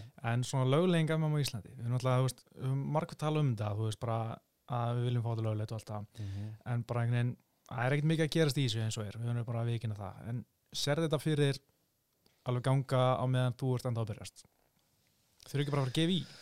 Jú, ég, ég, þú veist Já, ég segi alveg mér, þú veist, það er að búið að vera löglega þetta í kringum okkur, sko. Mhm. og þú veist, og ég alveg, ég held bara að þú veist það sem þarf náttúrulega er að fá einhvern sem að er einhver og hefur einhver ítök til þess að fara að pussa þessi í gegn, sko. Mm -hmm. og auðvitað það sem menn eru búin að reyna að gera á svoleiðis en það virðist þetta virðist bara svona menn humma þetta bara frá Mhm. sér. Þannig segja að þú veist, jú, jú, jú þetta meikar sens og jú, já, gera þetta svona og segja bara gerir engin neitt. Þannig segja eða þú veist og pappi er náttúrulega betri maður til að, til að fara að ræða þetta við sko, hann geti örgulega að tala við því alveg í þrjá tíma á þess að þú fær að segja orð um þetta sko og ef, að menn vilja fara í einhverja dítela hvernig á að fara að þessu og hvernig er búið að vera að reyna að græða þetta og hvað hefur gerst og hvað er ekki gerst og þú veist allt þetta. Ég, ég er ekki beint búin að vera að spá mikið í þessu en auðvitað var ég alveg magna að fá þetta lögulegt hérna og, og þó það væri ekki nema þú veist byrjunin að fá amatöremma og, og við gætum farið að setja upp svona lítil sjó og, og þú veist reglulegri viðburði eða reglulega viðburði það sem að menn getur fengið að takast á á milli gimma og, og Mhm. jafnvel inn í gimmum og, og, og þú veist ég held að það myndi hjálpa mjög mikið sko Mm. og, og ég vona innilega að það það hérna fari í gegn á hann að ég hætti að keppa er svo sem kannski skiptir ekki öllu það er ekki svo ég sé að fara keppa hérna heima allavega ekki í einhverjum innanfélagsmótum í MMA en, en, en ef að UFC geti komið hérna heim og meðan Mhm. ég var að keppa og ég geti keppt uh, í búrinu hérna heima þá, hérna, þá væri það náttúrulega alveg magna mm það var eitthvað gaman sko. Ég er náttúrulega maður er með eins og drauma um það að, að það geti gerst sko en hérna maður þarf bara að fara þurfum að fara að gera eitthvað meira í þessu bara að hérna keira þetta fram sko en maður að bara verður alltaf einhver slagur skilur og ég veit ekki hvort það er eitthvað svona ljótur slagur sem maður er bara þú veist, einhver er uh, anti-MMA stuðnismenn skilur sem hata sig íþróð, segja þetta sé bara fótbolti og blóðbaða og eitthvað. Að þessi slagur verði til og hérna segja þetta sé bara stórhættulegt og að, að fólk það er bara svona maður bara að vera undirbúin undir, undir það skiljum Mhm. það verður alltaf eitthvað náttúrulega mikil anstæða fyrir þetta. Þetta er náttúrulega ennþá alveg margir á móti þessar íþrótt að Já. við elskum þetta alveg. Og höldum þetta úst, viljum ekkert meira en að fá þetta hinga til landsins. Já, það er náttúrulega alltaf slagur og verður alltaf slagur og, og þú veist, það eru mikið að fordóm gagvart íþróttinni og, og, en, en þú veist, það er líka mikið til bara statistics um hversu hættuleg íþróttinni í rauninni er sko. Og þú veist, síðan eru margir sem hlust ekki að það og horfa bara á hver tilgangur íþróttarinnar er og það finnst þeim vera að berja hinn alveg í, í stöppu og, Mhm. og þú veist, sjá þetta rauninni bara þannig að, að það, sé bara tveir menn sem er að reyna að meiða konan annan þú veist að það sé veist, það sé bara tveir villimenn sko. Og, og þeir tekst ekkert að horfa neitt fram hjá því sko en þú veist þetta er náttúrulega bara harðgerð bardaði þrótt mm -hmm. með lítið af reglum og, og en vissulega eru reglur sem að e, hlýfa keppinutunum eins og, eins og geta. Og, en án þess að í rauninni taka svona raunveruleikan úr bardaðanum sko. Og þú veist, þannig er þessi íþrótt og hún er full kontakt og hún er, hún er hörð og það hún er ekki allra. En samaskapi þá finnst mér að við ættum að hafa frelsi til þess að geta keft í þessari íþróttina heima og það myndi hjálpa mikið Mm -hmm. uh, þetta er náttúrulega alls konar típur í Emma og um, sjá það, úst, ég myndi segja flokka þetta í, í þrjá svona íþróttamenn, uh, martial artist og svona hálfgerði kúrikar bara gæjar sem eru bara svona vildir gæjar sem myndi ekki þrýfast í neittni annar íþrótt heldur en MMA, mm. og mér finnst það svolítið verið þannig með John Jones, uh, Donald Cerrone og Conor, þú veist. Ertu eitthvað ertu miklu sambandi við hann, þú veist, að ég bara horfa það sem hann er að segja og ég bara, gæjan er í rugglinu, þú veist, ertu í góðu sambandi við hann ennþá? eða? Conor, Já, já, ég spjalla við hann alltaf reglulega sko. Og þú veist ég, ég þú veist, hann, hann er náttúrulega eins og hann er, skilur hann er hann er náttúrulega algjört algjört fyrildi og þú veist, það er það er mikið í gangi og, og þú veist, það er eitt í gangi í dag og síðan er allt annað í gangi á morgun og, og þú veist, og hann einhvern veginn, þú veist, ég held að núna sé hann bara þú veist, hann er örugglega ekkert mikið búið að æfa síðan að- að að hann kefti við hérna Khabib. Og ég held að hann sé meira meira bara svona að fókusera á búið til peninga og, og þetta viski dæmi hann Proper 12 og svoleiðis og, og þú veist, ég veit ekki hvað hann er að gera, hvort hann sé að djama mikið nákvæmlega eða ekki, þú veist, ég veit, veit ekki alveg nákvæmlega sko en en já, já, hann er kúriki sko mm. en þú veist ég, ég held að ég held að sé að þú veist ekkit að fara að endi í einhverju greni sko nei, nei. ég hef svo sem engar á að gera því sko og ég vona innilega að hann haldi vel á spöðunum utan sinn fjárhæg og svoleiðist þannig að þú veist hann endi ekki eins og maður hefur séð marga sem verða ríkir rosalega fljótt og, og eru eins og hann er mjög kvattvís og, og, Mm. og, og þú veist oft já, kærulaus og, og svona mikill kúriki sko að hann endi þannig að hann eigi ekki neitt og búin að missa allt frá sér og þú veist þá konun og börnin líka og skilur ég vona innilega að það sé ekki og ég, ég held að það, það verði ekki ekki hans örlög sko en, en ég skil alveg fyrir þá sem að kannski sitja á hliðlínu og fylgjast með og, og að, að sumir hafi ágjur að því að, að hugsi að hann sé alveg típan í það sko Mm.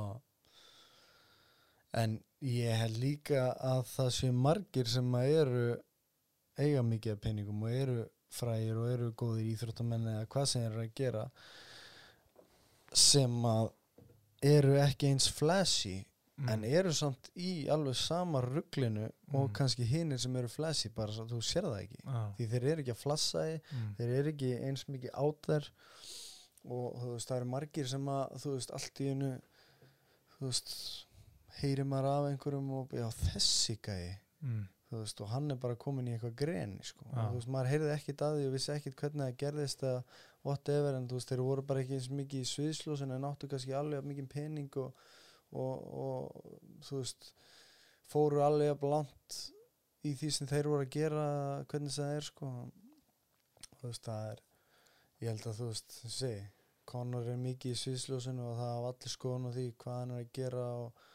hvernig hann á að gera það og, og, og svo leiðis að ég ég hef engar stór áhyggjur á hann sko Nei. Ég er meira ágjör á hann sem íþróttamanni sko, hann sé svona veist, klukkan tívar skilur og hann kannski ekki svona ég ímyndi mér að hans ekki að lifa heilbyrjasta lífstilum sko. Nei, nei, enda þú veist þarf hann svo sem ekkert að halda áfram að, að keppa og, Nei, nei. og þú veist ég já, eins og þú segir ég, ég veit ekki hversu mikið hann er búin að vera að æfa og ég er náttúrulega að fara út núna en ég, það, hann verður hann og ég er búin að vera í sambandi við hann og svoleiðis og hann er eh, hann held ég að broti á sér þumalinn um daginn Mm og búin að vera að díla við það eitthvað. Þannig að hann verður ekki, ekki að sparra gerir ég ráð fyrir eh, þannig að ég sé til en ég, ég kem til með að æfa með honum samt sko og, og við tökum einhverja allavega svona strength and conditioning saman og, og, og ég ætla að æfa með honum eins og ég get og eins og hann getur æft sko og hann kemur ljós hversu mikið hann er búin að vera að æfa og svoleiðis en, en ég held að þú veist, ég er ekkert viss um að hann kepp aftur og, og þú veist, ef hann er ekki í góðu formi og er ekki búin að vera duglegur að æfa, þú veist, er ekki alveg upp á sitt þú veist, besta eða eh, eins góður og hann getur verið á þessum tímpúndi þá vona einilega að hann sé bara hættur sko. Já, ég er svona eiginlega smá vona líka því að ég nenni ekki þessu dæmið lengur sko, þú veist, þetta er orðið svo ótrúlega íkt allt dæmið sko, þú veist, Já, og hérna eins og bara hvernig hann er að láta fyrir blamarhutin gegn Khabib skilu, þú veist, þetta er svo mikið læti sko, það er miklu skemmtilegri svona 2014-15 þegar maður bara, þú veist aðeins róleri, meira svona nýtmeðari í skótanum og ekki, þú veist þú veist, bara ekki eins rugglegar þannig sé öllum svona ofinbörum þú veist, það var skemmtilegar skilur, hann var svona aðeins kaldari Já. Svona aðeins nettari. En svo kannski, jú, jú, hann átti alveg sín augnablik sem var, þú veist, það var aðeins ykkur minni, þú veist, hann hérna tók beltið af Hósi Aldo hana í Dublin skilur og ég meina, þetta var, þetta var svo skemmtilegt að þetta var nýtt skilur, núna er búin að sjá þetta í nokkur ár og þetta er, já, þetta er svona, þú veist, hann þarf ekki að vera svona æstur skilur, ekki fyrir okkur skilur, hann bara þarf að koma og segja eitthvað sniðið skilur, ef hann ætlar að vera með eitthvað, eitthvað sjó skilur. já, já. og æfa vel og, og sína það sem hann getur í búrunum sko. Einmitt, sko, en maður skilur alveg hann sé ekki sami fættir í dag bara þegar hann er með allar sér penninga og kannski hungrið er ekki til staðar eins og var, þú veist, hann var að leiðinu upp, skilur það hljóta allir að geta tengt við það svolítið, það er erfitt að, þú veist, bara eins og, ég man ekki, margatur sagt, þú veist, erfitt að vakna snemma morgun að þú ert í silki, hérna, sængur, fötunum, skilur, og fara út að hlaupa, skilur, þú veist, það er aðeins öðru sér og menn þetta breytast bara um aldrinu, skilur, Mm. en uh, svona í svo maður að uh, rappa sér upp hérna ítt hvernig serðu framtíðina fyrir þú veist, þú veist hættur í MMA hvernig, þú veist, þú mynd væntalega að halda fram að æfa bara skilur en, Mm. en þú kannski ert ekki að æfa fyrir barda þú veist, hvernig serðu fyrir að að daglegt líf verði, þú veist verður kannski að þjálfa eitthvað en þú veist hvað heldur að vera að gera, þú veist. Uh, ég held ég verði bara aðalega að þjálfa og, og þú veist kannski með einhver svona verkefni sem að, að þú veist eitthvað, maður finnur eitthvað sem maður hefur áhuga á, hvað sem það verður um, það, þú veist, ég sé það alveg fyrir mér að ég, ég eftir að þurfa að vera svona með eitthvað verkefni mm. fyrir stafni sko en ég hugsa að það, svona, það sem er augljóst núna er að ég mun alltaf koma til með að þjálfa og setja meira púður í það Mm. að- þjálfa þá sem er að koma hérna upp uh, heima og, og, og jafnvel úti líka uh, ég fari að fókusera meira á það að verða, verða þjálfari og mér finnst það líka alveg spennandi verkefni sko. ég hugsa að ég geti orðið góðu þjálfari, ég set mig alveg fullsugar í það Mm. og ég hef þú veist svo sem ekkit ég líti ekki á, á mig sem þjálfara eins og er þótt ég get alveg kent tíma og þjálfa og ég hef alveg hérna, gert það en, en þú veist, mér finnst ég ekki ég líti ekki á sjálf mig eins og þjálfara eins og er og, og, en það verður spennandi verkefni þegar, þegar ég fer að, að, svona spá meiri í því sko, og ég, ég þú veist ég held að það veri, já, ég, veist, ég hlakka alveg til að fara að snúa mér að því líka sko, Mm. þótt að ég sé ekki tilbúin til þess að fara að hætta alveg strax ég er ennþá, mér finnst mjög skemmtilegt að gera það sem ég er að gera og mér hungrar ennþá í það sko, að það, þá ef maður, þú veist, lítur fram á við þá get ég alveg sé fyrir mér að það verið mjög gaman mjög skemmtilegt tímabil sko.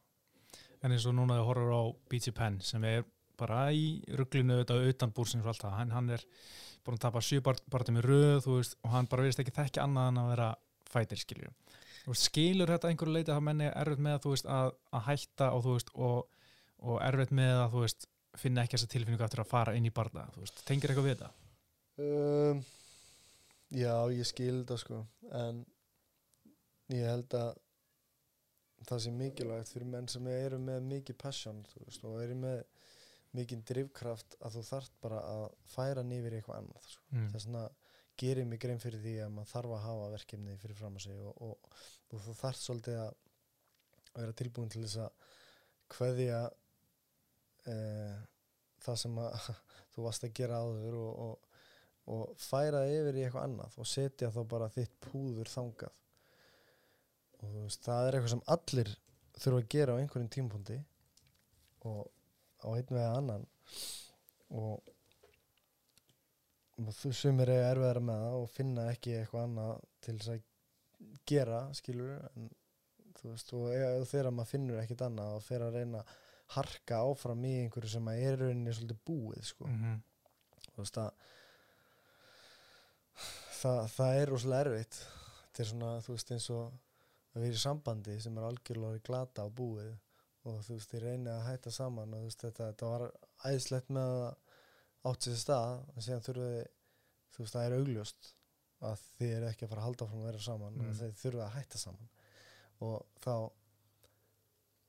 þá er svo eðlilegt að fólk reyni aftur og, Mm. og, og það verði eitthvað eitthvað þvílíkt katastrófía í kringu það og þú veist uh, og það líður öllum illa og skilur Mm. en það besta er náttúrulega bara að finna sér eitthvað annað að gera mm. þú veist að, að, finna sér eitthvað annað til að fókusera á og, og, og eigða þú veist púðrinu sinni og passjónu sinni í eitthvað annað þú veist vera búin að ná að recovera frá þessu break-upi og, og vera sáttur við það og þú veist það er oft gott að einmitt eins og þú er svo dölur að gera hugsa aðeins út í gegn og, og sjá, sjá möguleikana sjá svona staðrinnar í, í málinu og, og hugsa rökrétt þegar maður er ekki að deyja úr, úr sorgi við því að þetta sé búið og einhvern tíðan þegar maður er bara svona nokkuð njútrál að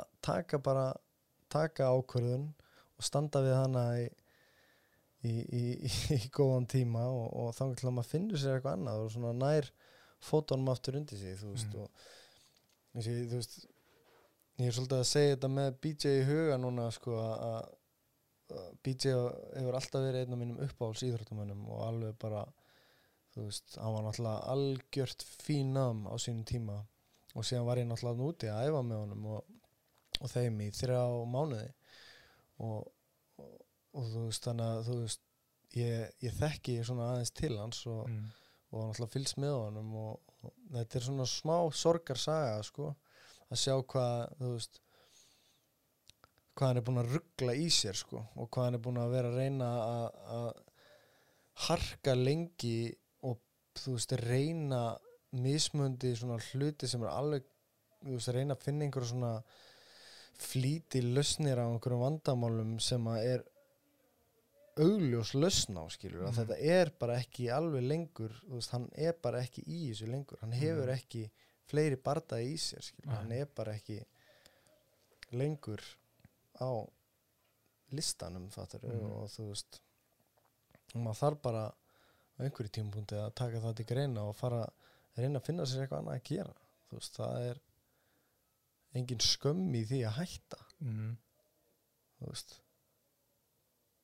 það ég, ég skil að það er erfitt en eins og ég segi þá held ég að að það sé mikilvægt þarna að við og meta og, og síðan bara taka ákvörðun og byrja bara að prófa og, og hérna finna sér eitthvað annað að gera þú veist að bara finna passion fyrir einhver öðru og ég held að ég er ekki eftir að eiga í vandræði með það ég á sjálfs er að, að svona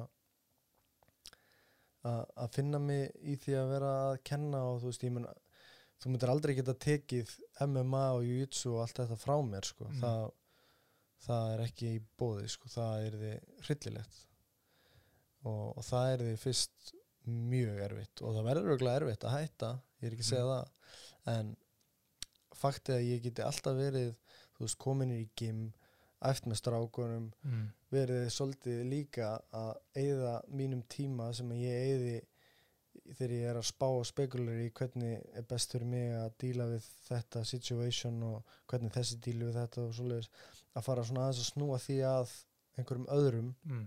og auðvitað það maður alltaf að hugsa út frá sjálfur sér og sinni reynslu og svoleiðis og setja það inn í þetta en, en að fara líka svolítið að hugsa um hvað er best fyrir hann.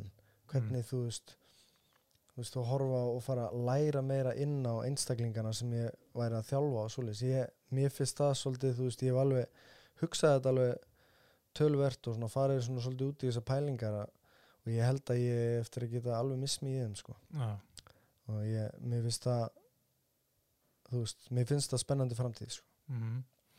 Ég var nefnda uh, sko, það sem er vandamálum með að hann er náttúrulega bara fíknefna og á, fíknefna áfengisvanda stríða og kampi heldur honum clean, skilju, hann bara sober up fyrir barða, Já. skilju, það er náttúrulega ríkala sorglegt, sko, en ég held nú að vera nú ekki eitthvað þannig vandamál hér þig, sko. Nei, ég, hef aldrei átt henni fíknefna vanda að stríða eða neitt nei, en en- betur fyrr. Nei, mitt, en sko það að tala um að Nick Lent sem er að fara að mæta hann núna ekki hann, mætti hann á frá æmjöðunum og hérna sá bara að þessi gæði var bara fíkil sko og hérna sá það strax þá hérna en það hefur verið einhvern veginn 2014 eða eitthvað. Og nú er bara svona, já, mjög sorgleitt að hann sé þú veist, alltaf eina leiðin hans til þess að vera sóper er er með barða sko. Já, og svo bara fer hann aftur í sama vítarhingin skilur og, og þó að það eigi verið eitthvað síðasti barðan sem ég sé, þá held ég að koma alltaf einhver gæi skilur, einhver óbrútun aðili og bjóðan og fætt einhver starf skilur til að græða þess á hann skilur og hann er alltaf til skilur já, þannig að maður veit ekki alveg hvað þetta mun enda með BG Penn, greiði kallinn sko. En svo Já. mann er líka Chuck Liddell tala um að hann þú veist, þegar hann kom aftur, hann saknaði svo mikið að vera bara með strákunum í gimminu og þú veist spjalla eftir æfingar og þú veist eitthvað þannig sko. Mér finnst það svona líka mjög sorglegt skilur þú veist ég meina hann fyrir bardaða skilur lítur hræðal út. Og var engin spurning um það að hann átti ekki að fara að berjast. Steinrótar eftir mínútu, nei hérna í fyrsta lótu. Og þú veist, hann er bara ennþá í dag bara, yeah, just got caught skilur, ég, er bara óöfinn skilur Já. þetta er svona, svo leiðilegt að sjá svona dæmið þegar menn kunni ekki þetta en já, hérna, ég er ekki að segja að vera þannig að þér skilur, þú veist þér með nóg framöndan en svona rétt í lögin, bara síðan spurningin. Hver er svona þinn, þinn uppbólsbardagi sem þú hefur barist í, skilur Já.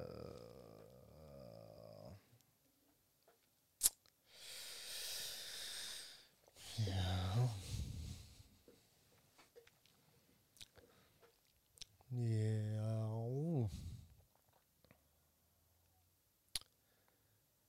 Ég veit ekki alveg hvað bardaði það á að vera sko. Um,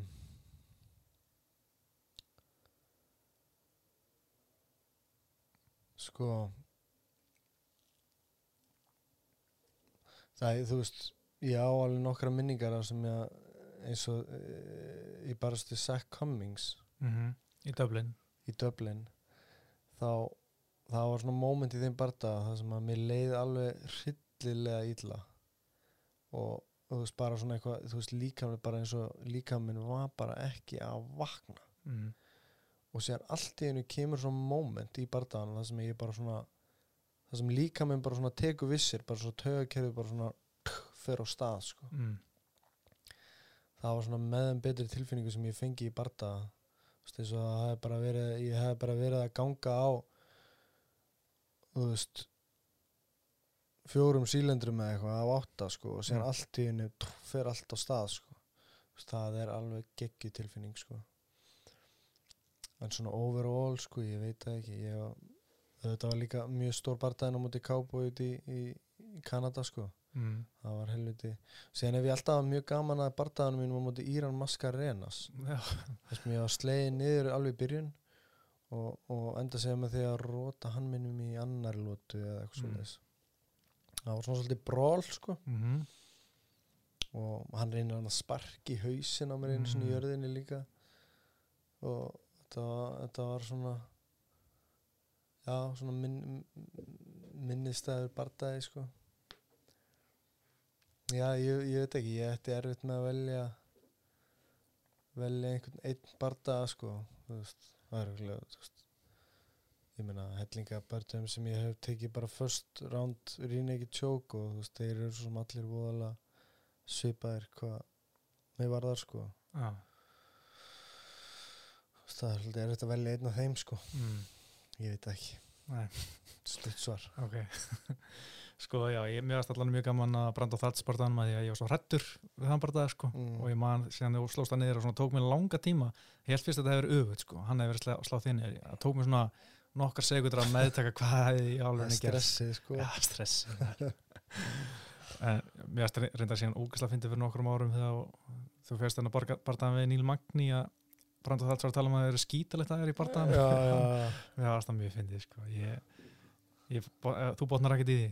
Nei, já, hann sagði að það er mikil svita einhver, óþefur og ekki, ég man ekki hvað það var þá kom, ég sá eitt komment heldur gott það sem var sérst, eftir, eftir að hafa fengið þungt höfuðhögg og, og svona concussion Mm. þá er eitt af hérna uh, eitt af hérna aukaverkunum einmitt þú finnur rosalega slæma lykt og eitthvað Ok. svona, það er eitthvað sem kommentaði það og setti bara link á Já, ok. aukaverkanir við, við concussion og Ah. svona ranka við þér eftir veist eftir svona smá concussion að það, það getur verið þú veist að lyktarskinnið farið eitthvað í fokk sko Það er það er mjög, mjög fyndin pæling Já, en kannski hefur bara verið svo alveg svita litað mér sko ég er allavega ég veit að ég var ekki múin að skýta á mig sko ég, þú veist, ég hef tekið eftir því ég farið aftur en ég ætla ekki að sverja fyrir það að það ekki verið svita litað mér nei, nei, það getur gerst í svita, skilur í aksunni. En í, já, svona fyrir mitt litið samt örgulega minn uppáhaldsbardaði með því er Albert Tumanov. Ég var líka mjög stressað fyrir þann bardaði en uh, það gekk vel á mót honum. já, það vera- mjög góð barða ég er sammálaði Já, hann er mjög flottu bardaði maður líka, sko. Ég verð að gefa hann það, sko. Hann er mjög frambærilega strækjar Mhm. og hérna, það var skemmtilegu bardaði, sko.